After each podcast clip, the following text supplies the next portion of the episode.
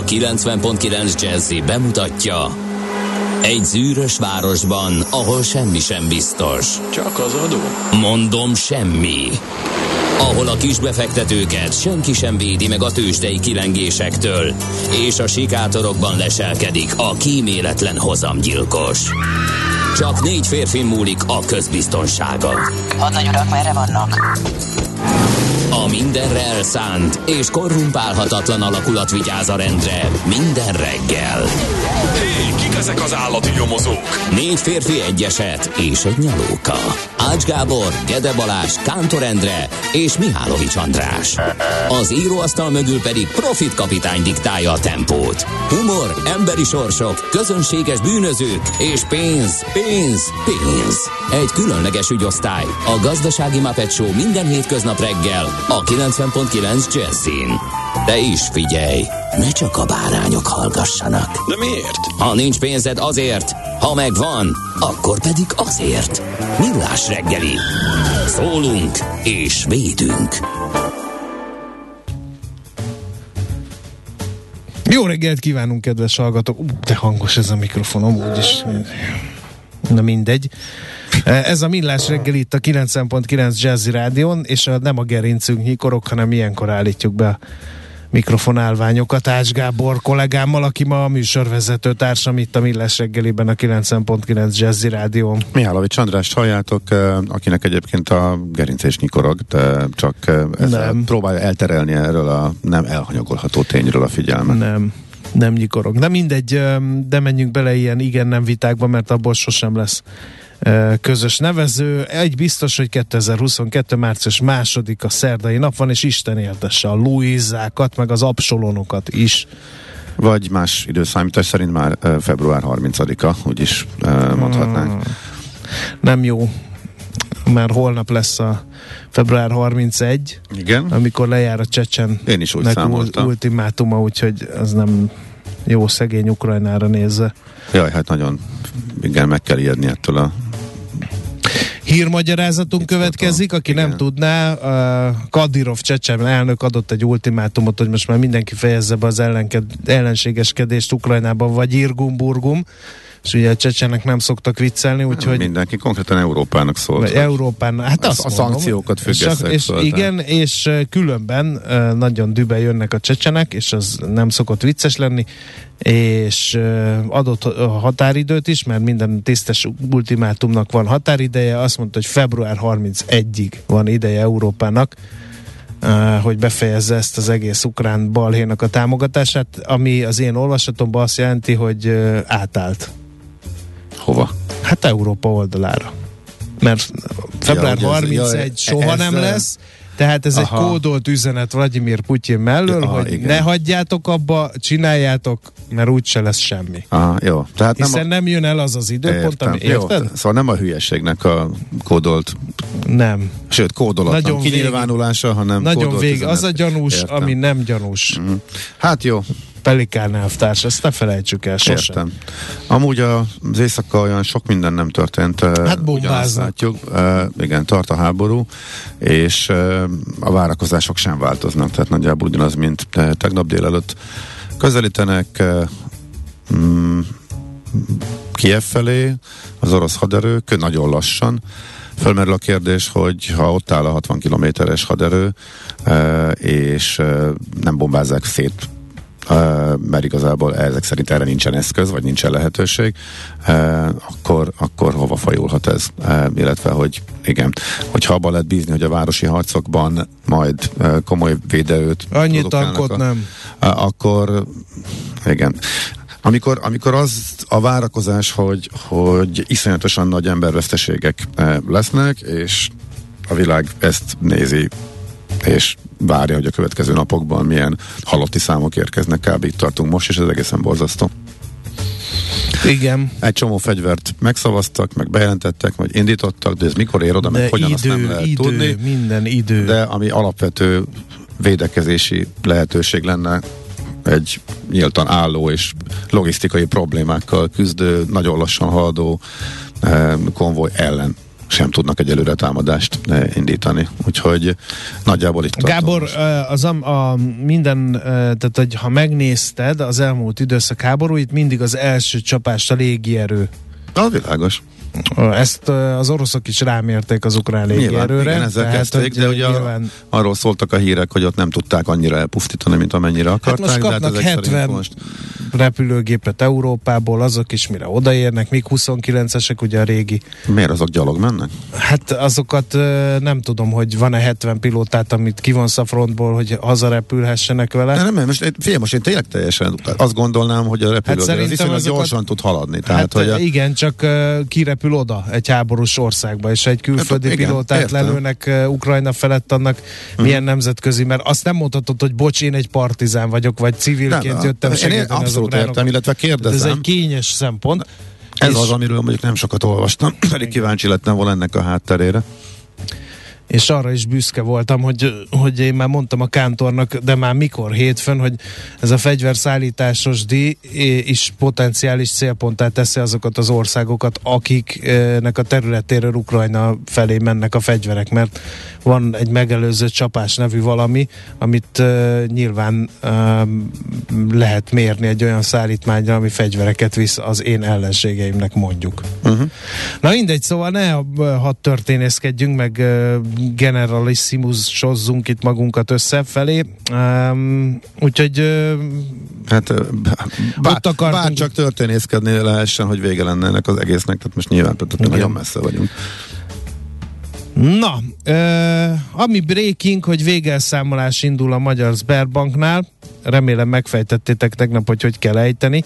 Abszolút, Eh, így Tegnap simán. évfélkor jött az Európai Szanálási Hatóság végelszámolást indított a Magyar Sberbank anyavállalatánál, az osztrák Sberbank Europe AG-nál. A Sberbank Magyarország ZRT súlyos likviditás és tőkehelyzete miatt az MNB is visszavonta a hitelintézet tevékenységi engedélyét és elrendelte a végelszámolást.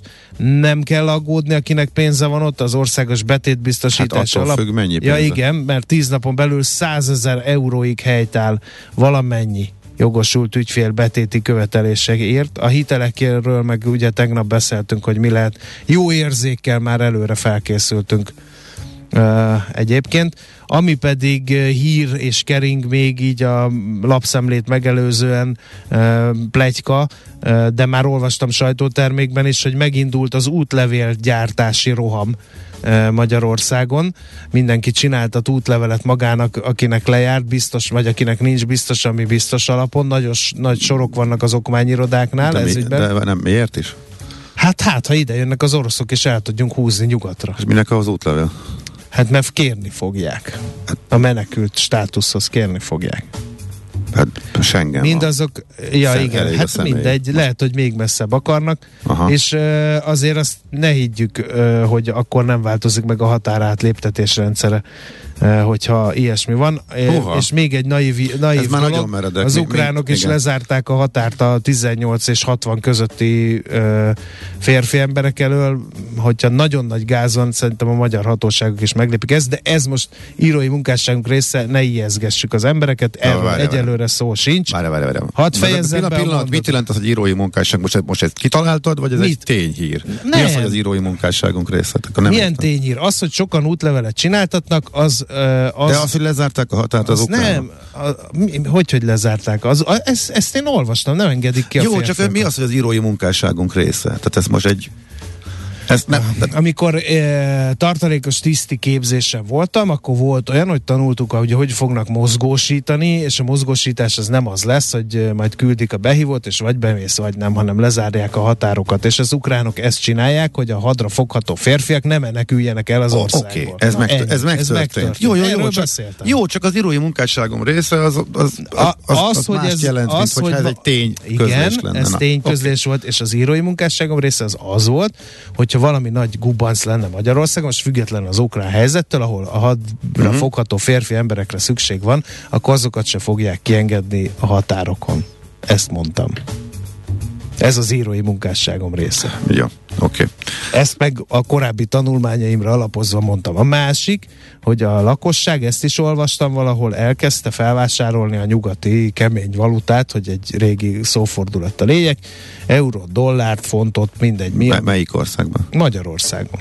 Itt is megnőtt a pénzáltók forgalma, amelyek egyébként bírják a nyomást még egyelőre, ezt, ezt is olvastam. Azt hiszem a napi.hu Hát ugye ez meg minden krízis helyzetben van egy kicsi ilyen igen. hatás, tehát igen, de nem hinném, hogy ennek túlzott jelentősége igen. lenne. Na, Hát, ha csak abból indulsz, hogy a forint... Tehát igen, 380 nat majdnem meg Ki tudja, meddig gyengül, akkor ez önmagában devizavételt indukál. Tehát ez minden nagyobb forint gyengülésnél megnő a forgalom a pénzváltóknál. Igen. igen. No, szóval semmi pánikkeltés, csak így talózgattunk, mindenki nyugodjon meg. Menjünk vissza arra a dologra, hogy mi történt március másodikán a világtörténelemben. Például ma van a Budavári Siklónak a születésnapja, 1870 óta. Van ez, kár, hogy a másik siklót az így te tudsz arról valamit, hogy most ott mi van? A főváros nem szeretné változatlanul ott a Gellért egy siklót, ugye? Hát ez ugye, tehát ez, el is kaszált. Erről beszéltünk itt. Jó, én nem tudom, mert, mert, nem követtem az eseményeket ezért. Beharangoztuk, hogy el fogják kaszálni, és el is kaszálták, és hát kicsivel több e, kiderült erről, tehát megszavazták, hogy nem. Tehát Akkor nem lesz a Gellért. Jelen állás szerint Aha. ebben a konstrukcióban ezzel a magáncéggel közösen, tehát egy, amit most eddig terveztek, ez nem lesz. Uh-huh. Azért érdekes a dolog, mert hogy miután ez a magáncég egy nagyon erős kommunikációs kampányt folytatott, folyamatosan adták ki a közleményeket, uh, rengeteg hír megjelent arról, hogy hogyan halad, haladnak a munkák és az építkezés. És mindenféle engedélyek, és az stb. pedig, az pedig, hogy az egészet leállították, uh, az meg a háborús hírek között elbújt, és szerintem az emberek többségének fejében az van, hogy ez most készülés. Nem, ez a múlt héten full, teljesen le lett állítva. No, Uh, március 22-éhez köthető, tessék kapaszkodni, 1989-ben történt az, hogy 12 Európai Uniós tagállam uh, megállapodása a légkört károsító gázok kibocsátásának korlátozásáról. Ez volt a Freon, ugye, amikor a hónalsprékből kivonták ezt a légkört károsító. Ha jól rémlik. Igen. De már 1989-ben elkezdtünk küzdeni a légkört károsító gázokért, akkor még az ózonjuktól retteget mindenki, most már ugye egész más uh, légkört károsító gázok ellen küzdködünk. Na, a születésnaposok, el ne felejtsük megemlíteni őket, minden hallgatónknak, aki ma, ma ünnepel, vagy valamelyik hozzátartozó, annak tolmácsolja legyen kedves, hogy boldog születésnapot kívánunk, és dicsekedjenek mindenki eh, azzal, hogy eh, Arany János magyar költővel, műfordítóval egy napon születtek, 1817-ben született a nagy magyar költő. Aztán 1875-ben Jászi Oszkár, társadalomtudós, szerkesztő, politikus, is március másodikán született. Nem tudom, meg kéne interjúolni Mihály Gorbacsov SKP főtitkárt, a Szovjetunió egykori elnökét, hogy mit szól utód a tevékenységéhez, hogy ezt a lovat akarta, amikor azt mondta, hogy Glásznyoszt meg Perestroika? Nyilván nem. Igen. De, de egyébként érdekes lehet. Csodálom, hogy még nem kereste meg a nyugati sajtóban lehet, senki. hogy megkeresték, csak még nem, nem akar nyilatkozni. Nem tudjuk, milyen állapotban van. Aztán John Irving, amerikai író, Oscar Díjas forgatókönyvíró, és ünnepel születésnapot, ráadásul 1942. március másodikán született Garp szerint a világ.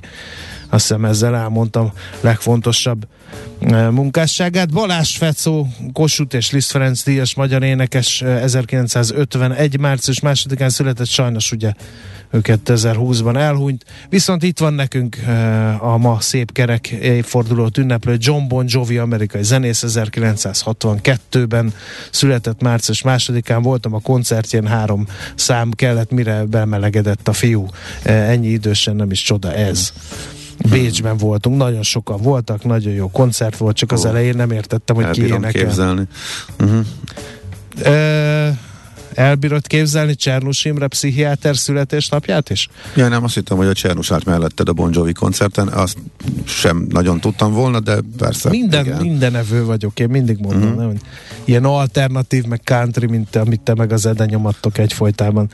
Én, én nem vagyok country. Nem, az az Ede, az te az, az alternatív vagy, te ez az elcseszett frizurájú, ah. derékre engedett gitárral, javajgókat, te azokat szereted. Is, Semmi is, is. Na, 1966 Csernus Imre pszichiáter író uh, is születésnapot ünnepel ma. Doktor úrnak jó egészséget kívánunk. Uh, én bevállalok bármit, üzenem neki uh, innen. Vagy hát a bármit most leszúrna szegény, hogy biztos végig gondoltam, hogy bármit bevállalok. Nagyon sok mindent, akkor fogalmazzunk így. Erre most megint leszúrna, hogy mi, mi ez a határozatlanság. Most akkor bármit, vagy nem bármit. Úgyhogy Inkább csak annyit, hogy boldog születésnapot, és akkor törölve az előző üzenet, elnézést kérek egyben. Azért megnéznék köztetek egy, egy beszélgetést. Jót, régi vágyam. Jót, jót mulatnék valószínűleg. Régi vágyam, de egyébként úgy is, hogy ilyen, ilyen, ilyen hogy mondják ezt, paciensként is így elmennék, és akkor párbajoznánk. Egy képzeld el, hogy életem értelme szívem lángba borítója elment egy ilyenre, és felháborodott. a Csernusnak? Hát, a Csernusnak tartana, tart ilyen szeánszokat. Igen, tudom. Kiírja, hogy mi a téma, és akkor oda mennek 70-en, és akkor ott... Jó, na ezt, ezt kérdeztem, hogy egy ilyen szeánszra, ahol sokan szeánsz, vannak, sokan, vagy sokan, a személyes És teljesen kezelésre. felháborodva jött, jött haza, hogy megsemmisít segített embereket. Kipécézett valakit, és addig, addig majdnem nem tudom jobban kifejezni, addig izélgette, talán ez a legrádió képesebb kifejezés, amíg, amíg így teljesen. Hát, de hát mindenki ugye... megsajnálta a szerencsétlen. Hát, tehát, tehát ezzel lett híres. Igen, csak én nem... ezen a meglepő. Hát, hogy az embereknek nincs önvédelmi reakciója ilyenkor, hogy na de doktor úr, hát menjen maga el Afrikába és nézzen körül, vagy nem tudom, tehát hogy mindegy, érdekes lenne. Menj el a következőre. De hogy megyek? Hát, ha Engem kezdem. állandóan kipécéznek, a cirkusztól kezdve mindenhol. Mert mit mondanak, hogy hát maga, maga ott jöjjön föl, és... De bellátott, és az így vicces lesz, ha.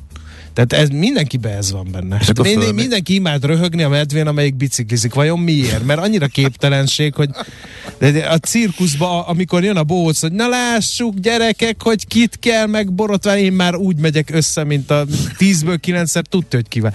Én önkéntes. Szóval nem mersz az De már a honvéd, az első honvédség, tíz sorban nem mersz egyet Ott venni. álltunk a honvédségnél az egész század, érted? Száz ember, és kinek kellett a cipőjét megnézni? Nyilván nekem. Tehát, hogy ez valami hihetetlen ez végig kíséri az életemet. Tehát, hogyha na mindegy, hagyjuk ezt. Úgyhogy nem megyek Csernus Dokihoz. Daniel Craig-gel viszont vígan paroláznék. 1968-ban született ő, és hát Kántor Endre nagyon gyűlöli, mint Bondot. Én viszont imádom. Tehát ez a olyan balta arca van, és kőkemény álkapocsal rohangál, hogy én nekem nagyon szimpatikus. Most uh, a, megnéztem a minap a ki volt a Pierce Brosnan formálta Bondot, nekem ő túl szerettem Nyá, őt. Nyálas, tudom. Szerettem őt mm. uh, annak idején, nagyon kedveltem Bondként, szerintem egy ilyen igazi úriember, de most Daniel Craig után már azt kell mondanom, hogy új kedvencem van. Na, ennyit szerettünk volna mondani akkor a nagy érdeműnek. Lesz zeneszám, vagy már ez a lapszemle, vagy még a lapszemle, vagy már mondjuk a piaci helyzet. Fél, fél lapszemle, és akkor a másik fele plusz a tőzsde meg a zene után csináljuk ezt, mert úgyis csak egy zene fér el, és viszont akkor még a legfrissebbeket át tudjuk futni a zene alatt. Igen, Gábor, a miliciát szervezzük. Igen, látom. A rádióban. Igen, igen, igen. És azért most én vagyok a területvédelmi itt a detrekőben. De és mit fogtok védeni? Tiszt. Vagy eddig, milyen, van egy harckocsi, eddig van egy harckocsi parancsnokom, ennyit tudok felmutatni, ez kevés lesz egyelőre, de dolgozunk rajta. Greg meg megkérdezze, hogy mit fogyasztottam ma reggel, mert egy picit túlmozgásos vagyok. Nem értem. A felvetés sem. Na, én, én igen. Nézzük akkor, hogy mit is ír, hogy is hívják. Természetesen a háborúról szól minden. lényegében minden hír, és igazából a vezetőanyagok, ahol szokott lenni eh, láthatóan komoly rákészülést igénylő és eh, kidolgozott anyag, most eh, lényegében eh, ott sincsen.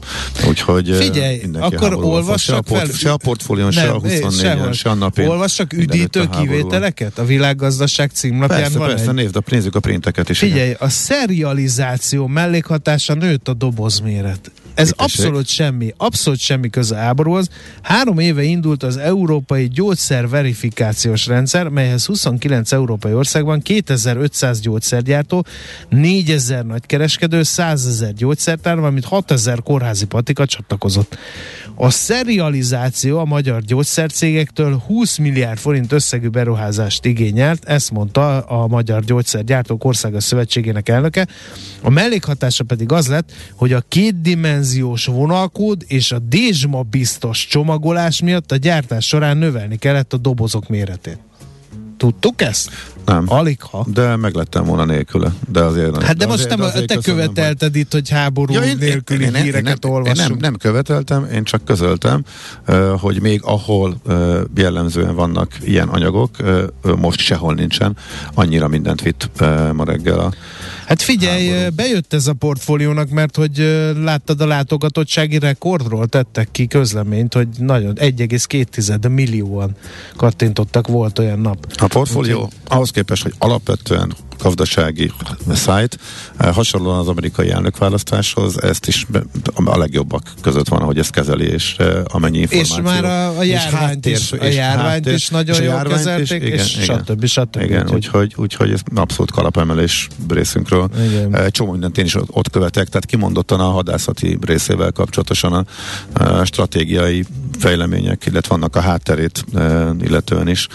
Úgyhogy, hogy hívják ezt a ha- harckocsit, amit te is fölemlegettél? Armata? Ez a, nem ez a termó, termobárikus az nem harckocsi, hanem bomba, de mindegy, hagyjuk el. Istenem, mindenki láthatja, hogy milyen nehéz dolgom van a milícia szervezéskor. Az, a teljesen alapismereteket sem tudják férfi emberek, sajnos itt a környezetemben. termobárikus rakétavetőről beszélek, ami egy harckocsi kinézetű eszköz, tehát, eh, és erről szólt a portfóliós cikk, amit viszont te nem ol- olvastál, hogy még egy ilyet is elhagytak az oroszok egyébként. Azt szeretném mondani ezzel az kerül. kapcsolatban, hogy neked minden harckocsi.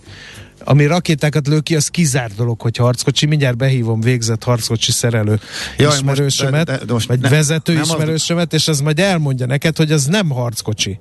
Jó, rendben van, hogyha Értsd meg. Oké, a kötekedés. Tehát ami páncélozott, az nem, rá, nem harckocsi. Jó. Egy csomó minden van. Hídvető, Rendben. javító, páncélozott szállító harcjármű, aminek van olyan, aminek gumikereke van, van olyan, aminek lánctalpa van, mégsem tank, meg mégsem izé, tehát hogy így nagyon-nagyon Nekem nem az messze lenne. vagyunk. Az a baj, Gábor, Jó, hogy ez kötekedjél nyugodtan, kötekedjél Na, nyugodtan. mindegy, ne trollkodjuk szét. lehet, lehet nyugodtan, akár három percen keresztül osztani az észt, hogy, hogy a termobárikus Befejeztem. Rakétavető az miért nem eh, harckocsi, pedig csak úgy néz ki egy laikus számára. Én csak fölhívtam volna a figyelmet erre, hogy ez egy érdekes eh, cikk volt. Eh, ezek, ami a portfólión jelent meg, hogy még, hogy ez hogy működik, meg hogy még ilyet is elhagytak az oroszok Igen. és ukránok, rátették a kezüket, mert ott komoly gond van a morállal, ennyi lett volna a lényeg. Na nézzük a tőzsdét. Nézzük. Hol zárt? Hol nyit? Mi a sztori? Mit mutat a csárt? Piacok, árfolyamok, forgalom a világ vezető parketjein és Budapesten. Tőzsdei helyzetkép következik. Hát a befektetők hol a forintot ütötték, hol a Budapesti értéktőzsdét, ahogy így elnézem, 11% fölötti mínusz szedett magára a Bux, 38.913 ponton fejezte be a napot. Figyelem, az OTP 21,5%-os mínusszal zárt, éppen hogy meg tudott kapaszkodni 10 ezer forint fölött, de volt ez durvább is, miután Ács Gábor körbeért a szerkesztőségi szobába, hogy mennyi volt, 8 ezer, vagy mit mondta? Én akkor írtam, amikor tíz alá esett, úgyhogy De 10 alatt az OTP, igen, uh-huh. ezt írtad. A MOL 5,6%-os mínusz, a Richter 5,5%-os mínusz, a, és a Telekom is esett 3%-ot, ez a blue chipek értéke. A MOL 2444 forintot, a Richter 6585-öt, a Telekom 404 forintot ért záráskor. Uh, hát mindent szétütöttek, vertek. Itt van például a Forágyi 7,1%-os mínusza, a Masterplast 7,5%-os mínusza, és eh, hát nézzük, hogy eh, és, és a legnagyobb esést kérem szépen az OTP vette. Hagyd a répámat, légy szíves, Czoller Andi, köszönöm szépen. Egy csak egy eh, regény. tessék. Ja, ez félreérthető volt? Sárga répát eszem De nem reggelire. lát, mert az asztalon nem Andi- láttam semmiféle. Aha, jó, most Itt már ott van egy répa, így már értem. El, el, egy csak egy a CVAK tudott erősödni 6 ot emeljük ki, de ő is minimális forgalomban, és akkor nézzük, a, hát nem tudom, hogy ez meddig fogom bírni még a bábozzik itt nekem az Andi. Um, nézzük az x kategóriát, ott is volt azért vérfüldő, 6,5% volt a DM Kernél, a mínusz 1,8 a Cybergnél, a Gloster megúszta 1%-kal, a nap meg 3% fölötti mínusz szedett magára, tehát a tőzsdei előszobában sem volt valami felhőtlen a hangulat. Ács Gábor mond majd jobb híreket a tőzsdéről. És a forintnál meg 379 forint fölött volt a mélypontja, majdnem elérte a 380-at, úgyhogy ütötték azt is a befektetők. Most nem tudom éppen hol állunk, te rálátsz, akkor mondjad Gábor. Kicsit, kicsit visszaerősödött. Én is úgy láttam. Annyit láttam. Pontosan a mostanit azt majd mindjárt megnézzük. De 380-at megprintelte, ott volt a mélypont, most 77 környékén láttam, illetve néhány perccel ezelőtt annyi volt. Igazából szerintem a tegnapi nap azért volt nagyon érdekes, mert egy nagyon látványos és hír nélküli váltás következett be. A... Végül is sem igazad van, mert semmi olyan nem történt, amit eddig ne tudtunk. Semmi, de semmi olyan nem történt a kereskedési idő alatt, az európai kereskedés, illetve abban az, e, abban az elmúlt egy napban, ami, amióta mi itt ültünk.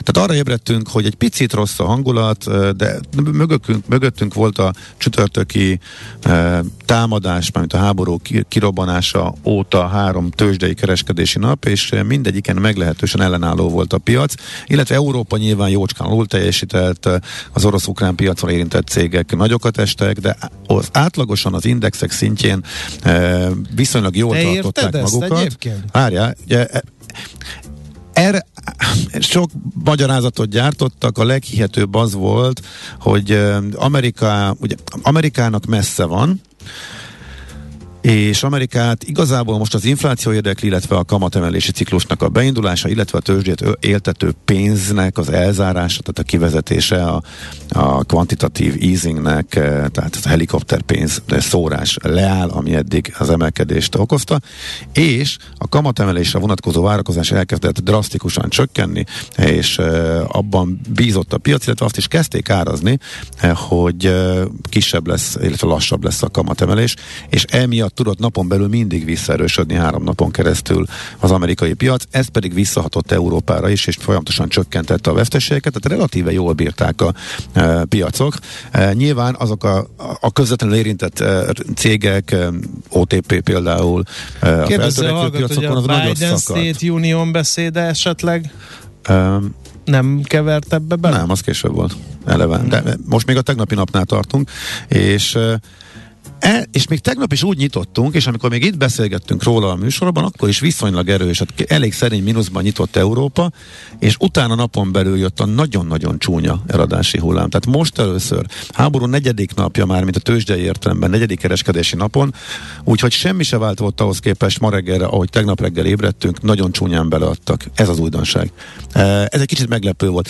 Előző három napon meglepő volt, hogy milyen jól tartja magát a piac, és most úgy tűnik, hogy tegnap elszakadt a pertli, és nagyon durván. Tehát e, minden, és e, nem nagyon szelektáltak a, a befektetők. Nyilván abba igen, hogy a ukrán érintettség, orosz érintettség az e, sokkal nagyobbat esett, de például e, az, hogy egy jó cég, rossz cég, egy szektoron belül e, annyira nem. Tehát elég e, csúnyán adtak bele, és mm. most először Amerika sem állt föl. E, a napon belül már nőttek a veszteségek nyitás előtt a határidős indexekben, és e, nagyon gyenge fölállási kísérletek esetek voltak, de nem tudott. Ezzel együtt Amerikában ez a másfél százalék esés, ez semmi. Hát a Nasdaq ezzel még mindig magasabban van, mint hol kitört a háború, mert három nap emelkedésre reagált a háború kitörésére, ami úgy érte a piacot, éppen nagy esésben volt, és éppen eleve vissza akart pattanni. Úgyhogy Amerika lényegében még mindig alig reagált, és az amerikai részvények között is néhány szektor csak Ellenben a hadászat meg az energi- energetika fölhúzta, mert az olajár is brutálisan eh, elindult fölfel, áttörte a szávat, és nem volt megállás, pedig kitermelés bővítésről is vannak hírek, de erről majd fogunk beszélni majd eh, Plecser Tamással nem sokára. Eh, úgyhogy ez volt az érdekes tegnap, hogy lényegében hír nélkül elromlott a hangulat, és a piacok, amelyek korábban, korábbi három napon viszonylag jól tartották magukat, most nagyon napon belül és lényegében hírmentesen, mert azt már reggel is tudtuk, hogy hol állnak az orosz egységek, és alig mozdultak el, de úgy tűnik, hogy a befektetők most megijedtek, és elkezdtek nagyon csúnyán eladni, ez volt a tegnapi nap, és ebből lett a buxban is egy nagyon durva esés Amerikában, pici továbbra is, de Európában azért most már súlyosbodtak a veszteségek, és ez azért érdekes még, és tényleg csak egy mondat, mert hogy az elmúlt hetek, a háború kitörés előtti hetek, azok pontosan arról szóltak, hogy Európába kezdtek átsúlyozni a befektetők, és Amerikában azt mondták, hogy e, most érdemes meg a value szektorok, e, és amit ilyen átsúlyozások voltak, az úgy teljesen fölborult, és most ismét Amerika lett a kedvenc, mert hogy kevésbé érintett ebben az egészben. Úgyhogy az S. Gábornál az egy mondat, az hat mondat, csak nem tesz ki pontot, csak íst. Azt észrevetted, Andika? Nem ad neked hangot se, nehogy véletlenül egyetértsünk, érted az ő kontójára. Összeállunk itt ellene engem. Igen. Aztán gondolkoztam, hogy te hány kávét ittál ma reggel? Nagyon érdekes helyzet van. Hát figyelj, el, elnézést kérek, hogy az elmúlt évek legizgalmasabb és fontosabb tőzsdenapjáról merészeltem elmondani, hogy mi történt. a homokozó hogy... lapátját. Hát igen, igen, elnézést. Írja, elnézést azt, tőletek elnézést kérek. Azt írja a hallgató, hogy több komolyságot kérünk az uraktól, háború zajlik a szomszédban, a feszültség fokozódik, a gazdaság nem dübörög, nem annyira mókás helyzet. Uh, neked, nem értek neked egy, szólt, mert én nem, szerintem teljesen komoly ne, Én nem értek egyet ezzel. A habitusom sem ilyen, ráadásul azért, ha már mosolyogni nem tudunk, meg nem tudunk viccelődni, akkor tényleg nagyon nagy a baj, szerintem, és ezt most hót komolyan mondtam. Na! Nekem erről teljesen más a véleményem, de ugye ez ez, Most itt, ez, ez itt megszokott ebben a műsorban. Már hogy mi? Hogy más a véleményed? Az persze, hogy megszokott. Én, te, én, van, ahol tehát nem érzem helyét a, a vicceskedésnek annyira, mint te. A monológiaidnál persze. Bizonyos én helyzetekben. Se, én se szeretem. Én meg mindig mindenhol viccelődöm. Erre mondtam. És ez sokkal súlyosabb helyzetekben is így van szerintem. Meg lesz. Na mindegy, hát nem vagyunk Mit mond erre Czoller? Hoho. Behúzott a csőbe, mi? Nem kell, kell állást foglalni, mindegy. Nem állásfoglalást kértem. Kellenek azok a pillanatok szerintem Ugye? a napban, amikor az ember egy kicsit így el Ja, én nem mondtam, hogy nem kellenek olyan pillanatok. Nem a Én most csak beszélünk. konkrétan egy ilyen napnak az esemény összefoglalóit nem szeretném persze. szétröhögni. Tehát ez Uh, hallgató kérdezi, hogy ha a Sberbankban van lakáshitele, vele mi lesz? Ezt elmondtuk tegnap, kint van a millásreggeli.hu oldalon a beszélgetés. Kérlek, hallgass vissza, mert nem tudjuk mindig, mindig mindegyik elhangzott információt megismételni, de tudom, hogy ez neked fontos. No, jöjjenek a hírek akkor. Ősdei helyzetkép hangzott el a Millás reggeliben. A reggeli rohanásban könnyű szemtől szembe kerülni egy túl szépnek tűnő ajánlattal. Az eredmény krétával körberajzolt tetemes összeg. A tethelyen a gazdasági helyszínelők, a ravasz, az agy és két füles csésze és fejvállalakzat. A lehetetlen küldetés megfejteni a Fibonacci kódot. A jutalom egy bögre rossz kávé és egy olyan hozamgörbe, amilyet még Alonso Mózli sem látott. Millás reggeli, a 90.9 Jazzy Rádió gazdasági mapetsója. Vigyázat! Van rá engedélyünk! A műsor főtámogatója a Schiller Flotta KFT. Schiller Flotta and Rent a Car, a mobilitási megoldások szakértője, a Schiller Autó családtagja. Autók szeretettel. Valamint a GFK Hungária, a cégek technológiai alapú szolgáltató partnere. Jó reggelt kívánunk, 7 óra 17 percen folytatjuk a Millás reggelit itt a 9.9 Jazzy Rádión, Ács Gáborral. És Mihálovics Andrással. 0 30 20 10 9 0 9 SMS, WhatsApp és Viber számunk is, ez lehet osztani a műsorvezetőket, most éppen ez dúl, hogy akkor egy törpe minoritás a humorérzéken mellett tör láncsát, a többség pedig azt mondja, hogy túltoltam, elnézést innentől csak komoly leszek, illetve hát remélem szerepet cserélünk Ács Gáborral, aki majd most partalan poénkodásba kezd. Ja, nem. Na mindegy, uh, lendüljünk ezen tovább, nézzük meg a közlekedési információkat, mert abból van. Budapest legfrissebb közlekedési hírei, itt a 90.9 jazz Azt írják a hallgatók, ha megtalálom ezt, hogy a Rákóczi úton van uh, valamiféle forgalmi fennakadás, nem találom ezt az információt. Egy biztos, hogy a lezárás van a 14. kerületben a Mogyoródi úton befelé vezető oldalon a Nagy Lajos király útja után, mert vízcsőtörés történt arra. Félpályás lezárás van az első kerületben a főutcában a Clark Ádám térnél, ott is közművet építenek, a váltakozó irányú forgalmat jelző lámpa szabályozza, és mi van még itt? Útszükület a 20. kerületben a Kossuth Lajos utcában, a Nyári Pál utca és a Mártirok útja között burkolatjavítás miatt az Andrási úton is van egy útszükületünk, befelé a Bajza utcánál, ott megsüllyedt az útpálya, úgyhogy ezek jöttek. Budapest, Budapest, te csodás! Hírek, információk, érdekességek, események Budapestről és környékéről. No, hát a vonal túlsó végén pedig Molnár Zsuska, a Járókelők Összehasználó Egyesület kommunikációs koordinátora. Szervusz, jó reggelt kívánunk!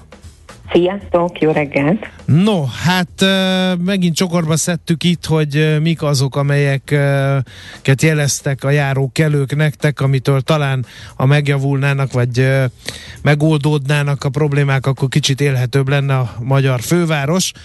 Hát a Gogol utcában rengeteg baleset van. Egyébként azért jó, hogyha ilyeneket előveszünk, mert vannak ilyen neuralgikus pontok a fővárosban, ahol rengeteg a baleset. Ugye itt mi a helyzet, miért jelentették, mi a megoldás? Igen, ugye a járókelő egy közterületi hiba bejelentő oldal, és, és így ilyen közterületi problémákat lehet nálunk jelezni, mint például ami a Gogol utcánál felelhető. Itt a Google utcáról érkező járművek nem adják meg az elsőbséget a Pannonia, utcán vagy a Hegedűs Gyula utcán érkezőknek. Mi, mi abban tudunk segíteni, hogy ezeket a jelzéseket továbbítjuk a megfelelő illetékesnek, aki jelen esetben a Budapest közút, és ez itt egy, ez itt egy visszatérő probléma, tehát hogy már nagyon sokszor szerepelt a, a mi bejelentő oldalunkon is, illetve a bejelentésekhez az oldalunkon lehet kommentelni is, és itt már többen betettek korábbi bejelentéseket, illetve cikkeket is, például a Total Car 2017-ben már egy egész hosszú cikket lehozott ezzel a témával kapcsolatban, és itt pont olvastam benne, hogy valakit kérdeztek, aki a környéken dolgozik, és nyilatkozott, hogy csak egy év alatt több tizenvalahány ütközés volt, és hogy nem mindig értesítik a rendőrséget, és azért valószínűleg a Budapest közút nem tud a problémáról, de ezt ugye sajnos mi már nem tudjuk elmondani, mert már nálunk is nagyon sok bejelentés volt, amit mi továbbítottunk a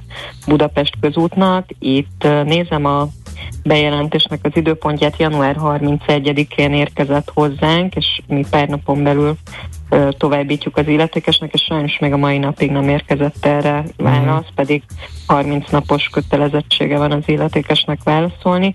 Ugye ezt mindig elmondom, hogy a Budapest közút rendkívül lett terhelt, úgyhogy náluk válaszadásban és intézkedésben is előfordul csúszás, de sajnos itt semmilyen fejleményről egyelőre nem tudunk uh-huh. beszámolni, és hát ez egy nagyon-nagyon régóta létező probléma, itt különböző, különböző akár fizikai akadályokkal. Uh-huh, igen, ezt akartam kérdezni, hogy mivel lehetne ezt orvosolni, igen, hogy igen, gyors hajtanak. Aha.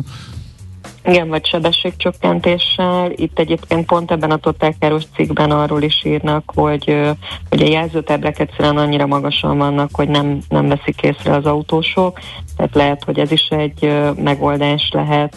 Mm, erre a Budapest közútnak biztos, hogy vannak vannak módszerei, technikái, hogy hogyan lehet itt valahogy lassításra kényszeríteni a járműveket, vagy megállásra kényszeríteni őket, de sajnos itt valamiért ez nem történik meg, mert nagyon hosszú idő óta. Uh-huh. Jó, akkor viszont arra hívjuk fel a figyelmet addig is, hogy ez egy olyan gócpont, ahol nagyon gyakran vannak balesetek, tehát akik a Hegedűs Gyula utcán, a Pannonia utcán közlekednek, akkor nagyon óvatosak legyenek, mert számíthatnak arra, hogy hát akár figyelmetlenségből, akár másokból nem kapják meg, Igen. nem adják meg az elsőbséget nekik. Aha. Igen, Igen, és ami nagyon fontos, hogy nem csak az autósokat érinti ez a probléma, hanem a gyalogosokat is, mert gyakran, amikor az autósok összeütköznek, akkor ugye a járdára hajtanak fel, elkapják a kormányt, és máskor, máskor konkrétan gyalogostól, aki nem, nem autósként közlekedik ebben a kereszteződésben, hanem gyalogosként közlekedik, és ő írt nekünk, hogy kis ilyen balesetet szenvedett gyerekkel együtt,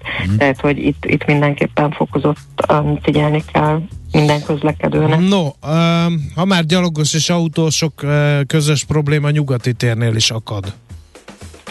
Igen, a nyugati térnél ez is, egy, ez is egy visszatérő probléma. Ugye a körútról le lehet kanyarodni a Jókai utca felé, ezt biztosan sokan ismerik, illetve sokan használják is ezt a kis kerülő útvonalat, mert a Podmanicki útra nem lehet a körútról kanyarodni, és nagyon sokan itt hátulról a Jókai út felől közelít, Jókai utca felől uh-huh. közelítenek, és ahogy a körútról lekanyarodnak a Jókai utcára, itt régen egy aszfaltos út volt ezt, amikor a Jókai utcának ezt a részét, illetve magát a nyugati teret felújították, akkor, akkor itt térköveket helyeztek ki, és ezek egyszerűen kilazulnak, töredeznek, ugye amikor az autók ráhajtanak, akkor folyamatosan billegnek, és, és a gyalogosok számára meg ugye rendkívüli módon botlás veszélyt jelentenek, mert egyik, egyik kiáll, másik alacsonyabban van. Ezt egyébként egyszer már amikor hozzánk érkezett jelzésként, akkor egyszer már orvosolták, tehát hogy újra lerakták ezeket a térköveket, és akkor nagyon szép egyenes volt az egész, sima volt a felület, de hogy ez idővel sajnos megint problematikussá vált. Itt a Facebook oldalunkra még ki ezt a problémát, és ott többen, többen jelezték, hogy valószínűleg nem megfelelőek a térkövek, Ugye nyilván ezt a szakértőknek kell megvizsgálniuk és megnézniük, hogy, hogy ezeknek a térköveknek milyen a teherbírása, illetve hogy itt egyáltalán térköveket mm. lehet kihelyezni.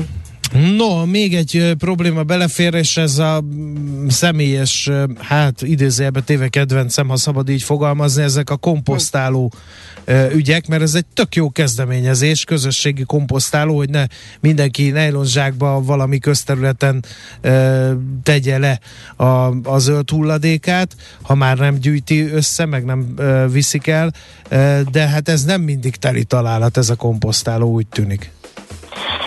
Igen, és ennek szerintem fontos lenne az okait felderíteni. Itt ugye arról beszélünk, hogy a harmadik kerületből több pontról is kaptunk visszajelzéseket, tehát különböző közösségi komposztálókat, különböző helyeken jelentek meg közösségi komposztálók, és már a második vagy a harmadik jelzést kapjuk, hogy egyik helyen sem működik, tehát hogy mindenhol más szemetet helyeznek ki a komposztálók környékére, nejlonzsákokba helyeznek ki szemetet, és hogy egyszerűen a lakók azt látják, hogy inkább gondot okoz, mint, mint hogy jól működne, és azért a megszüntetését kérik. Itt az egyiknek a megszüntetése már el is indult, tehát az önkormányzat visszajelzett a bejelentésünkre, a lakosnak a bejelentésére, ami azért sajnálatos, mert ezek akár működhetnének jól Hát ez is. tök fontos lenne, hogy működjön. Igen, Tehát igen. itt a megszüntetés igen. az egy rossz megoldás alapvetően. Igen, mi is ezt gondoljuk, és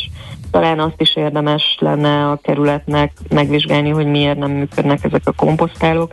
Tehát lehet, hogy nem volt megfelelő tájékoztatás, illetve itt is a Facebookra kitettük ezt a problémát, és többen jelezték, hogy ezek ott működnek jól, ahol van mondjuk egy helyi felelős, tehát hogy valakit beszerveznek, egy önkéntes jelentkezik, aki figyel erre, ö, ö, odafigyel a, a, a, a komposztálónak a környezetére, és ez tényleg nagyon fontos, hogy a környékbeli lakókat ö, tájékoztassák arról, hogy ez mire való, és szerintem még egy dolog felmerül itt, hogyha ide állandóan mondjuk zsákokban hulladékokat ö, helyeznek ki, akkor az is egy érdekes kérdés, hogy ezek miért nem más hulladékgyűjtőbe kerülnek, tehát hogy lehet, hogy akkor uh, hulladékgyűjtőket is érdemes volna nagyobb számban kihelyezni a környékre. Igen, no, hát megtettük, amit meg lehetett, felhívtuk ezekre a figyelmet mi is, ezekre az anomáliákra, további jó munkát kívánunk nektek. Beszélünk nem sokára megint.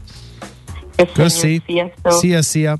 Molnár Zsuskával a Járókelők Összehasználó Egyesület kommunikációs koordinátorával beszélgetünk. Közben kiderült, hogy mi a baleset a Rákóczi úton. A Rókus Kápolnánál történt egy baleset, be, teljesen beállt a Blaha felé a forgalom, írja egy hallgató. Köszönjük szépen az információt, és többen kérdezitek a Sberbank ügyét. Elrendelték ugyanis a Magyar Sberbank végelszámolását is többen aggódnak, mi lesz a betétekkel, mi lesz a hitelekkel. Erről beszéltünk pont a tegnapi napon, hadd ne ismételjük meg ezt a beszélgetést. A millásreggeli.hu oldalon fent van ez a beszélgetés, akit érdekel, az hallgassa meg még egyszer, ott minden információt igyekeztünk ezzel kapcsolatban elmondani. Nekünk a Gellért hegy a Himalája. A millás reggeli fővárossal és környékével foglalkozó robata hangzott el. A lehetetlent kizártuk. Ami marad, az az igazság, akármilyen valószínűtlen legyen is. Millás reggeli. A Millás reggeli szakmai együttműködő partnere az EMAG webshop áruházak és marketplace üzemeltetője, az Extreme Digital EMAG Kft. No, hát az orosz-ukrán háború energetikai fronton is elég érdekes fejleményeket hozott lévén, hogy az orosz fél az európai gázellátásban megkerülhetetlen. Ennek kapcsán fogunk beszélgetni egy csomó mindenről, de először a háborútól független téma kerül majd terítékre. Ez a MOL és a nagykerár rögzítés hatása. Plecser Tamás van a vonal túlsó végén az Erste befektetési ZRT olaj- és gázipari elemzője. Ő, szervusz, jó reggelt! Sziasztok, jó reggelt! No, hát akkor vegyük el a háborús dolgoktól külön ezt a, a benzinkisker, majd most már nagykerár rögzítést is. Ugye a Magyar Olajtársaság megkerülhetetlen ebben a e, két szegmensben Magyarországon, a kis és nagykerben egyaránt. E, nem lesz ebből baj, ebből a nagykerár rögzítésből? Mert mondjuk mi van, ha ide járnak tankolni e, kiskereskedők, e, a, meg a kiskereskedők megtörtik a tankkerjüket, és kiviszik Szlovákiába, és ott kimérik az üzemanyagot. De lehet baj. És hát ahogy most nézem ugye a piaci fejleményeket, ugye ma reggel 110 dollár a Brent, 340 a forint dollár árfolyam, tehát gyakorlatilag az a rés, ami a külföldi ár, tehát mondjuk a szlovák-osztrák ár és a magyar ár között van, az még lényegében nőtt is, tehát még nagyobb ösztönzőt adunk arra, hogy itt tankoljon mindenki, aki csak tud, sőt, hát ugye ez a nagykereskedelmi árbefegyasztás, ez hozhat olyan veszélyt is magával, hogy nagykereskedelmi szinten is elindulhatnak a, vagy elindul a termékeknek a, az exportja a szomszédos EU országokba. Uh-huh. Um, ennek kifizeti az árát? A MOL, vagy a magyar állam is? A MOL, a magyar állam gyakorlatilag ez a két főszereplő, illetve a kiskereskedők Magyarországon, tehát ők, akik lényegében ezt a összeget összedobják, és kvázi ezzel támogatjuk mondjuk a tranzitforgalmat, vagy minden olyan szereplőt, aki ebből hasznot tud szerezni. Uh-huh. Oké, okay, akkor ennyit a morról, uh, hát akkor kényelmetlen helyzetebe egyetértünk. No, uh, milyen hatásai voltak az orosz-ukrán konfliktusnak a, az orosz energetikai rendszerre? Hát nagyon gyors és nagyon drasztikus változásokat látunk. Uh-huh. Talán ami az egyik legérdekesebb, és ami nincs mondjuk annyira a figyelem középpontjába, hogy komoly gondjuk van az oroszoknak az urál típusú kőolaj értékesítésében. Gyakorlatilag tegnap az Urál és a Brent közötti járés az több mint 10 dollárra nőtt hordonként. Kvázi az Urál szinte eladhatatlan. Ugyanis egyszerűen a szereplők, főleg a szállító cégek nem hajlandók elszállítani az urát, nem kapnak biztosítást arra, hogyha beállnak egy orosz kikötőbe, és ott ugye feltankolják őket olajjal, és ez azt okozza, hogy egyelőre az oroszok jóval kisebb mennyiségű kőolajat tudnak eladni és értékesíteni az exportpiacokon, mint amit egyébként normál időbe tennének ez okozza egyébként az olajnak is a nagy mértékű áremelkedését, és ez okozza azt is, hogy ekkora árkülönbség alakult ki a nem orosz és az orosz olajfélék között. Mi a helyzet a gázpiacon? Ugye ott meg eh, beindult a találgatás, hogy Európának le kéne válni az orosz eh, gázvezetékekről, már azon eh, töprengenek, hogy lassan csőd közeli helyzetben van az északi áramlat 2. Nézzük meg mind a két félnek a, a helyzetét. Az oroszok mennyire vannak kényszerhelyzetben Európát illetően, mert sokan azt gondolják, hogy na jó, hát ha Európának nem kell az orosz gáz, majd eladják Kínának. Ott azért van energiaészség rendesen. Hát ez egy kényszerhelyzet mind a két fél számára, viszont egyre jobban belásva ebbe a témába magamat, egyre inkább az kristályosodik ki, hogy Európa helyzete különösen hosszabb távon sokkal kedvezőbb, mint Oroszországé. A rövid távon ez mindkét fél számára egy komoly veszteség, hogyha Oroszország csökkenti a szállításokat, viszont Európa gazdag, hitelképes, Oroszország pedig szegény és nem hitelképes, az azt jelenti, hogy nekünk van a kezünkben olyan eszköz, amivel mondjuk egy tíz éves távon akár teljes mértékben leválunk az orosz földgázszállításoktól. Az oroszoknak nincs ilyen eszköz a kezükben. Ráadásul, ha rövid távon ők most leállítják ezeket a szállításokat, akkor egyrészt megszegik azokat a szerződéseket, amelyek már ugye 50 éve többé-kevésbé folyamatosan élnek, és amit egyébként soha nem szektek meg, kivéve a 2006-os, 2009-es ukrán válságbeli ö, problémákat, illetve hát saját gáz kapacitásaikat is lényegében megsemmisítik. Ugyanis ez a gáztermelés ez technikailag úgy történik, hogy ez egy folyamatos termelés, folyamatos szállítás, ha lekapcsolod a gáztermelést, akkor azt az olaj, vagy azt a gázkutat nem biztos, hogy vissza tudod indítani, tehát a kapacitások egy része lényegében megsemmisül, besülnek a kutak, tönkre megy például a réteg nyomása magába a lelőhelybe, tehát ez az orosz részről is egy nagyon veszélyes lépés. Én azt gondolom egyébként, még ha nem is fizetünk az oroszoknak, mert nem tudunk, valószínűleg ők szállítani fognak továbbra is. Uh-huh. És az is egy fontos kérdés, eh, hogy oké, okay, Európa kihúzza akár, hogyha komoly probléma van a további gázszállításokban ezt a telet. Eh, mennyire lehet alternatív forrásokat beállítani, milyen gyorsan lehet ezeket fölpörgetni mondjuk a következő Például mondják, uh, sok olyan elméletet hallottam, hogy ez az egész konfliktusnak az a lényege, hogy piacot csináljon az amerikai LNG-nek. Az amerikai LNG-nek van most is bőven piaca, tehát rendkívül jó árak vannak. Én nem hiszem, hogy ez akkora fontos szempont lenne. Eddig sem ide szállítottak különben az amerikaiak, kivéve az utóbbi néhány hónapot, akkor tényleg Európa felé szállítottak az amerikaiak, de előtte külön, főleg Ázsiába szállítottak, mert ott voltak a legjobb árak. Tehát ez nehezen ér, árja meg ez az érvelés szerintem a, a tényeket. Visszatérve a kérdésetekre, van kínálat és van keresleti igazodás. Kínált igazodást alatt én azt értem, hogy valószínűleg fel fog pörögni a cseppfolyós földgáz behozatal Európába. Elképzelhető, hogy a belső forrásokat is megnövelik. Mondok egy konkrét példát, a Hroningeni mezőt, ami korábban 10%-át látta el az európai igényeknek, az utóbbi pár évben leállították a hollandok földrengés veszély miatt, ezeket újra lehetne indítani.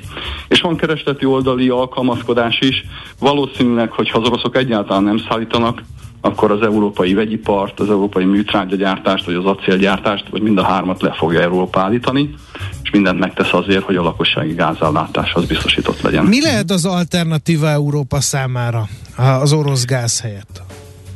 Rengeteg alternatíva van. Egyrészt a cseppfolyós földgázpiac rendkívül módon fejlődik. Ugye itt komoly beruházások vannak Katarban, Kelet-Afrikában, az észak-amerikai kontinensen, Ausztráliában. Ezek kb. egy 5-4-5 éven belül nagy mennyiségű LNG kínálatot fognak jelenteni a világnak. Másrészt én mindig kiszoktam emelni, hogy Ciprus partjainál találták meg az elmúlt 20 év legnagyobb gáztalálatát. Sajnos ez pont ott van egyébként, ahol a török-görög határ van. De mondjuk, ha Európa elkezd politikailag egyfajta megoldást keresni Ciprus helyzetére, a helyi közösséggel, illetve Törökországgal meg tud állapodni, ez a forrás akár 10-15%-át is biztosíthatja mondjuk egy 5 év mhm. múlva Európa gázellátásának. Ezek politikai kérdések, én azt gondolom, hogy egy aktívabb külpolitikát kell majd Németországnak és az egész Európai uh-huh. Uniónak folytatnia. Mi lehet az alternatíva az oroszoknak? Azt mondtad, hogy ők nehezebb helyzetben vannak. Tényleg mindenki tényként kezel, hogyha Európának nem kell, akkor majd megy Kínába.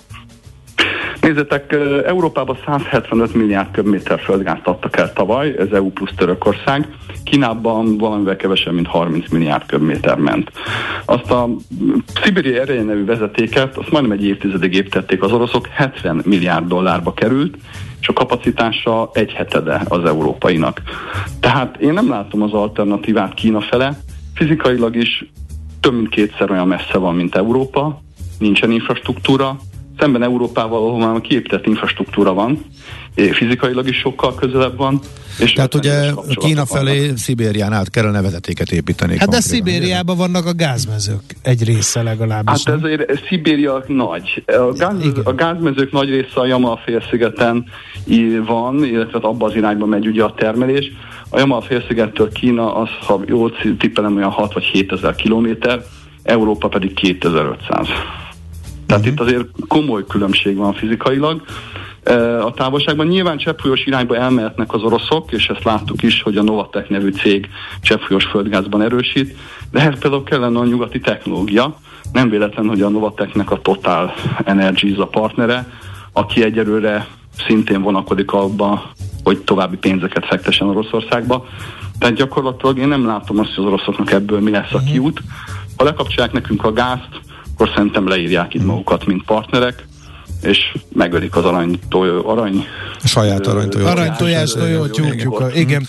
Egy pillanatra, egy, bocsánat Gábor. Tessék. Csak egy kérdés, hogy Magyarországra visszakanyarodva súlyosan átpolitizált nyilván az atom kérdése, de hogyha itt energia mix átalakulásra kényszerül Magyarország, akkor szakmai alapon de hogy néz ki tehát a Paks élet, az egyes blokk élettartam hosszabbítása az elegendő arra, hogy addig fölpörgessük például a megújulókat, és ezzel pótoljuk, ami a korábbi tervekhez képest, például a Paks 2 kiesésével űr tátong, tehát mellőzhető Paks 2 egyáltalán? Én azt gondolom, hogy hosszabb távon szükség lenne Magyarországnak atomenergiára. Uh-huh. Egyszerűen ebből a mostani mixből egy ilyen nagy forrást nem lehetett, nem lehet másképpen pótolni, csak egy új atomerőművel.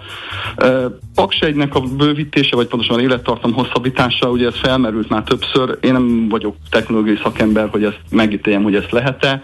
Azt látom, hogy Nyugat-Európában 60-70 évig üzemeltethetők ezek az atomerőművek. Ugye Paks az most durván 40 éves, tehát én azt gondolom, hogy lehetne élet ö, vagy élet hosszabbítani. Nem tudom, milyen állapotban van ez az erőmű, tehát erről nem tudok igazán. Igen, de a németeknél is ugye fellángolt a vita most megint az atomerőművek kapcsán a, a leválás igen. miatt. Mm. Egy kicsit nézzük meg az oroszokat. Ha, ha kiesik ez a, az energiahordozó, akár kőolaj, akár földgáz, Európából, mint vevő, az milyen hatással lehet az orosz gazdaságra? Mennyire fontosak ezek a bevételek nekik? Hát nézzetek, én úgy tudom, hogy a nyersanyagból van az orosz költségvetés bevételeinek több mint 50%-a. A legnagyobb tétel egyébként az a kőolaj, de a földgázon magas árak miatt most egyébként hasonló nagyságrendület, és ezen kívül van még jó pár fém, gabona, illetve egyéb anyagok, nemesfémek, például fa. Tehát Oroszország gyakorlatilag nincs de Oroszországban gyakorlatilag nincsen más komoly iparág, amiből az ország élne, mint a nyersanyag termelése. Technológiailag a hadiparon kívül igazából nem tudnak komoly dolgokat tenni. Én azt látom, hogy ez az ország, ez tulajdonképpen egy ilyen harmadik világbeli szerkezettel bír, tehát nyersanyagokat állít elő, és ezeket adják el a világba. Tehát ha nincs nyersanyag szektoruk, akkor itt a szegénység az rendkívül módon megnő. Gyakorlatilag visszatérhetünk oda, ahol 98-ban voltak, akkor Oroszország fele egy dollár alatt élt naponta. Uh-huh. Hát akkor ö, egy kicsit azért megnyugtat, hogy inkább, ahogy szavaidból kiveszem, inkább az oroszoknak fontos ez, hogy fenntartsák a energetikai szállításokat Európának, és Európa viszonylag rövid távon, mert tíz év az talán rövid távnak mondható, meg tudná oldani az energiafüggetlenséget Oroszországtól. Ez így van, bár azt hozzáteszem, hogyha Oroszország tényleg a legvégső lépésre szállja el magát, és lekapcsolja a földgázt, lekapcsolja az energiatermelést, amire mondom, én nem látok nagy esélyt, de ha mégis bekövetkezik ez, akkor azért nagyon keserves három-négy esztendőre nézhetünk mi is uh-huh. előre tehát ez komoly gazdasági megrázkodhatást okoz, szinte biztosan 2023-ban recessziót hoz Európába. Viszont én azt hiszem, hogy Európa azért ezt fogja tudni menedzselni, és még egyszer hangsúlyozom, hogy tíz éven belül itt teljesen leváltható például az orosz földgáz Európába, ha megvan rá a politikai akarat, a pénz és a külpolitika ha ezek a három dolog adott, akkor ez megoldható. Mm. Oké. Okay. Nagyon szépen köszönjük, nagyon hasznos összefoglaló volt, hála neked, jó munkát kívánunk! Köszönöm szépen. Szervusz! Plecser Tamással az Erste befektetési ZRT olaj- és gázipari elemzőjével beszélgettünk mindenféléről a kis és nagykerár befagyasztásáról, benzinbefagyasztásáról, az Ural típusú könnyűolajnak az árfolyam összeomlásáról és az európai gázfüggőség kérdéséről is. Veszel-e? Eladod-e? Kanapéról-e? Irodából-e? Mobilról-e? Laptopról-e? Kényelmesen, biztonságosan, rengeteg ajánlat közül válogatva, időspórolva, ugye-e, hogy jó? Mert ott van a mágikus E. E-Business. A millás reggeli elkereskedelmi rovata, ahol mindenki számára kiderül, hogy online miért jó üzletelni. A vonal túlsó végén Palocsai Géza jófogás és a használt autó.hu ügyvezető igazgatója, akit kicsit szomorúan tárcsáztunk. Szervusz Géza! Sziasztok, jó reggelt! Hát egyrészt örülünk, mert századik uh, jubileumi e-commerce rovatunk ez, viszont nem vagyunk nagyon boldogok, mert úgy halljuk, hogy elmész a cégtől, nem leszel ügyvezető igazgató. Utoljára vagy. Az az utoljára beszélünk. Beszélünk így. Így van? Így van, mindennek, aminek van egy kezdet, annak van egy vége is, és hát most ebben az esetben most érünk el ennek a sztorinak a végére, de hát nagyon bízom benne, hogy elkereskedelmi oldalon azért fogunk még beszélni, illetve fogtok még hallani arról, hogy mivel is foglalkozunk. Hát beszéljünk, mert okay. nagyon szeretjük ezt a rovatot, és a, a közönség is szerette, mert az, hogy mit, mit szeretünk, az másodlagos, de a visszajelzésekből mm, nagyon mm, úgy vettük ki, hogy nagyon szerették a rovatot. No, hát vágjunk bele akkor az utolsóba. A hazai elkereskedelem fejlődése és jövője. Hogy állunk? Hát ez egy gyönyörű téma így a századik. Igen, a számok azért magukért beszélnek. 45 százalék, 32 százalék 2020-ban, aztán 21-ben. Csökkenő ütemű a növekedés, talán, de, két de nagyon durva, durván megy föl, és akkor ebbe volt most még a, a Covid, ami nyilván egy, egy lórugást adott az elektronikus kereskedelemnek, ugye erről beszéltünk többször is. Mik most állt ebben a legizgalmasabb trendek, illetve hogyan változtak a fizetési szokások? Abszolút. A GK Digital mindig nagyon sok hasznos információval szokott szolgálni a hazai piacra, és arra gondoltam, hogy így a századik adásban érdemes lenne egy picit átvenni. Mindig a nemzetközi mhm. trendekről beszélünk, de jöjjön inkább egy kis hazai. Ahogy említettétek is, valóban 2020-ban egy brutális 45%-os növekedés volt 19-hez képest, amit nyilvánvalóan a Covid magában elég erősen befolyásolt, de hogy egy picit távolabbról nézzük meg a bruttó online kiskereskedelmi forgalmat, akkor az látódik, hogy 2015-höz képest a tavalyi várakozások, tehát 2021-es előrejelzések alapján egy közel négyszeres növekedés volt, tehát elég brutális mértékben nőtt a, a hazai online kiskereskedelmi forgalom, és ez a hatalmas növekedés, ami várhatóan 2020 és 2021 között is egy 30% fölötti növekedést fog jelenteni, ez még mindig csak az európai átlag felének felel meg. Tehát jelen pillanatban nagyjából ilyen 10% környékén van a teljes kiskereskedelmi forgalomból az online kiskereskedelem részesedése, ami, hogyha a világpiacot nézzük, akkor az 20%-os, tehát még mindig rengeteg tartalék van összességében az elker piacban, annak ellenére, hogy vannak bizonyos kategóriák, ahol már meghaladta 40 ot Ezt akartam kérdezni, hogy, hogy oké, okay, hogy a, a teljes kiskereskedelmi forgalom, de úgy emlékszem, hogy a statisztikákban benne van még az üzemanyag kiskereskedelem is, meg egy csomó minden olyan, ami, ami alig ha elképzelhető, hogy a jövőben online bonyolódna. Viszont vannak olyan részei a kiskereskedelmennek, ahol már gondolom ennél nagyobb a hadállása az online-nak. Abszolút, ahogy említettem, a műszaki cikk kategóriában 46% környékén van a, a részesedés, de hogyha a ruházatot nézzük, akkor 2019-ben 6%-os volt a részesedése, míg 2021 első fél évében már 18%, tehát itt volt egy háromszoros növekedés, és hát nyilvánvalóan a, a játék kategóriában is szépen növekedett 22-ről 29 ra de a legmarkánsabban én azt gondolom, hogy a ruházat, sport és a divat kategória az, ami növekedett, a legnagyobb mértékben pedig a műszaki cikk a, teszi ki uh-huh. az online vásárolt És most éppen melyik növekszik leginkább? Tehát mondjuk az idejében, illetve a következőket illetően mi a prognózis? Nyilvánvalóan itt az ételrendelések és társai azok, azok elég erősen meghatározzák a, a, a növekedést, de ami látszik az az, hogy a leginkább a növekedés a frekvenciában van, tehát a frekvenciát azt értjük, hogy mennyit rendelünk online, hányszor ö, ö, rendelünk egy adott ö, ö, időszakon belül. Nagyjából az látszódik most, hogy 2021-ben az előrejelzések alapján 19 vásárlást bonyolítunk le évente, átlagosan ez 2014-ben 9,7, tehát mondjuk, hogy 10, 10 darab vásárlást jelentett, ami kevesebb, mint havi egy volt. Itt most van egy elég markáns növekedés, és én azt gondolom, hogy ez tovább is fog nőni, hiszen a előző két évhez képest brutális változások történtek logisztikai szempontból, logisztikai lehetőségek szempontjából, hogy hogyan vásárolhatunk, nagyon megkönnye, megkönnyítették annak a lehetőséget, hogy kártyával vagy egyéb fizetési módokat használva tudjunk vásárolni, és hát hozzá is szoktunk, illetve hát a Covid hozzászoktatott minket ahhoz, hogy a dolgaink jelentős mhm. részét online intézzük.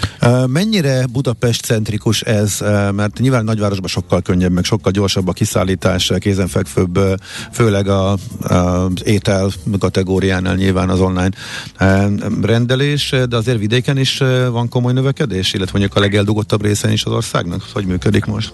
Növekedés van, viszont az online kiskereskedelmi forgalom 46% a Budapesten és Pest megyében realizálódik, tehát uh-huh. ha csak a Pest megyét nézzük külön, és Budapestet kiszedjük, akkor Pest megye önmagában is háromszor nagyobb, mint eh, mondjuk Győrmoson, Sopron megye, ami szintén nem tekinthető egy szegényebb településnek.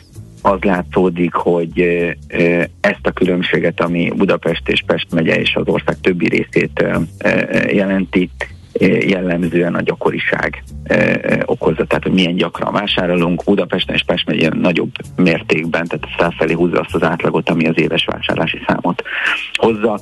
Azáltal, hogy és akkor most megint visszatérnek egy kicsit a logisztikai részre, tehát azáltal, hogy a, a, a, az elmúlt egy évben több mint 800 új csomagautomata került például be, beüzemelésre. Ez, ez, ezek a, a fejlesztések azért segítik azt, hogy ezek a régiók is kicsit fel tudjanak jobban zárkozni, hiszen minél kényelmesebb, minél több fajta lehetőség érhető el az adott lakókörzeten belül, annál inkább vonzóvá válik az, hogy online rendeljünk. A csomagautomata telepítése a nagyvárosokat elérte, azt tudom, de a kisvárosokat, és illetve milyen szintig ment le most? Hát jelen pillanatban 1200 csomagautomata van ö, ö, szétszorva Magyarországon, ebből tavaly 800 új került beüzemelésre. Szerintem most már nem nagyon tudunk úgy elhaladni egy benzinkút mellett, hogyha az ember figyel egy kicsit, uh-huh. hogy legalább egyen ne találkozzon, de én láttam már olyat, ahol három is volt, tehát hogy elég markáns beüzemelések voltak. Ez biztos, hogy tovább fog fejlődni hiszen hamarosan indul ugye a molnak a, csomaglogisztikai szolgáltatása, és ők is biztos, hogy nagyon erősen szeretnének megjelenni ezen a piacon, és hát ahogy említettem, a, po- a potenciál még mindig hatalmas, még mindig csak 10%-a az arány a teljes kiskereskedelemből, ami a fele a világpiaci átlagnak, tehát nem véletlen, hogy ekkor investíciók vannak. Uh-huh. A fizetési megoldásokkal kapcsolatban ugye folyamatosan arról beszéltünk, hogy na vajon az utánvét mennyire, súlyát mennyire sikerül csökkenteni, mennyire, milyen gyorsan mernek az elektronikus fizetési csatornákra átszokni az emberek, meg főleg az előre fizetésre, e, aztán várni, hogy biztonsággal megérkezzen a termék, nem csak akkor, amikor már látják, hogy ott van és épp. Ebben milyen számokat láttunk, hogyan alakult ez? Az utánvét az még mindig, még mindig divatos, viszont azáltal, hogy egyre több szolgáltatónál vált elérhetővé a kártyás fizetés, azért most már a készpénzes fizetés, mint olyan visszaszorulóban van.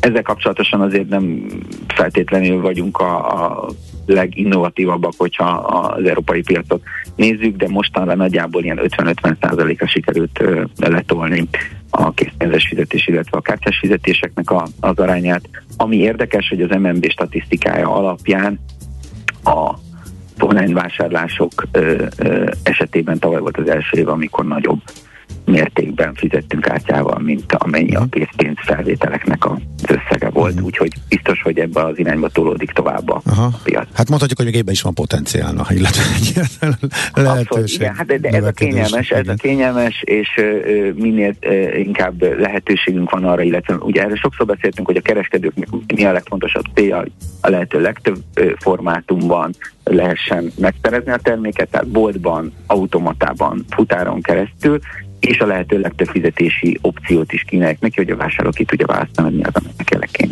Uh-huh. Oké, okay. utolsó kérdés, és akkor ez ilyen, hát ilyen szabad válaszolás lehetőség, illetve sok minden e, beleférhet, szóval szerinted mi most a legizgalmasabb, illetve ha egyet emelhetnék ki, akkor mi lenne az, ami mondjuk a legfontosabb e, trend a jövőben Magyarországon az elkereskedelemben? Ha lehet, akkor inkább kihívást mondanék, ami a legfontosabb kihívás a magyar elkereskedelmi szereplők számára. Tehát beszélünk most akkor magunkról, meg a, meg a hazai tulajdonú cégekről.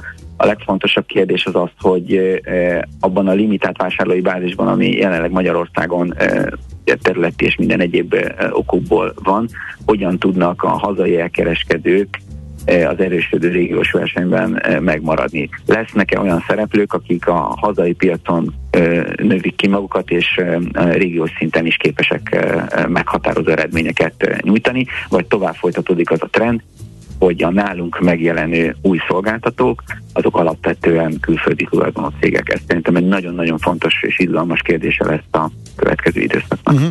Oké. Okay. Géza, nagyon szépen köszönjük. Nem csak a mai, Én... meg az előző 99-et is. Igen. Úgyhogy... Nagyon-nagyon szeretnénk, hogyha megmaradna a kapcsolat. Nagyon jókat beszélgettünk nagy, egy nagyon izgalmas témáról, de nekünk most csak annyi a szerepünk, hogy további nagyon sok sikert kívánjunk neked, és drukkolunk természetesen.